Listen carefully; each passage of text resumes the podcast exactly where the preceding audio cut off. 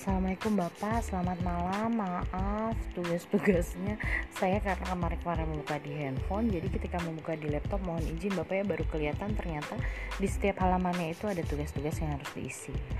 Uh, kali ini saya akan membahas uh, refleksi kritis mengenai semboyan Kejar Dewantara. Uh, Ingarso Sing Tulodo yang artinya e, di depan memberi contoh Ing Madya Mangun Karso di tengah membangun semangat dan Tuturi Handayani.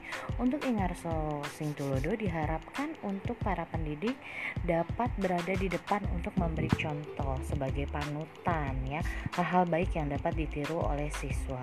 Untuk yang Ing Madya Mangun Karso di tengah membangun semangat artinya para pendidik diharapkan dapat berada di tengah-tengah untuk mendorong siswanya. Dan Tuturi Handayani di belakang memberi dorongan dan motivasi agar para siswanya dapat menjadi individu-individu yang mandiri dan sukses untuk kehidupan masa depan mereka.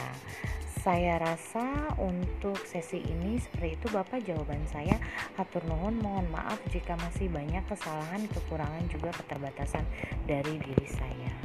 Assalamualaikum warahmatullahi wabarakatuh.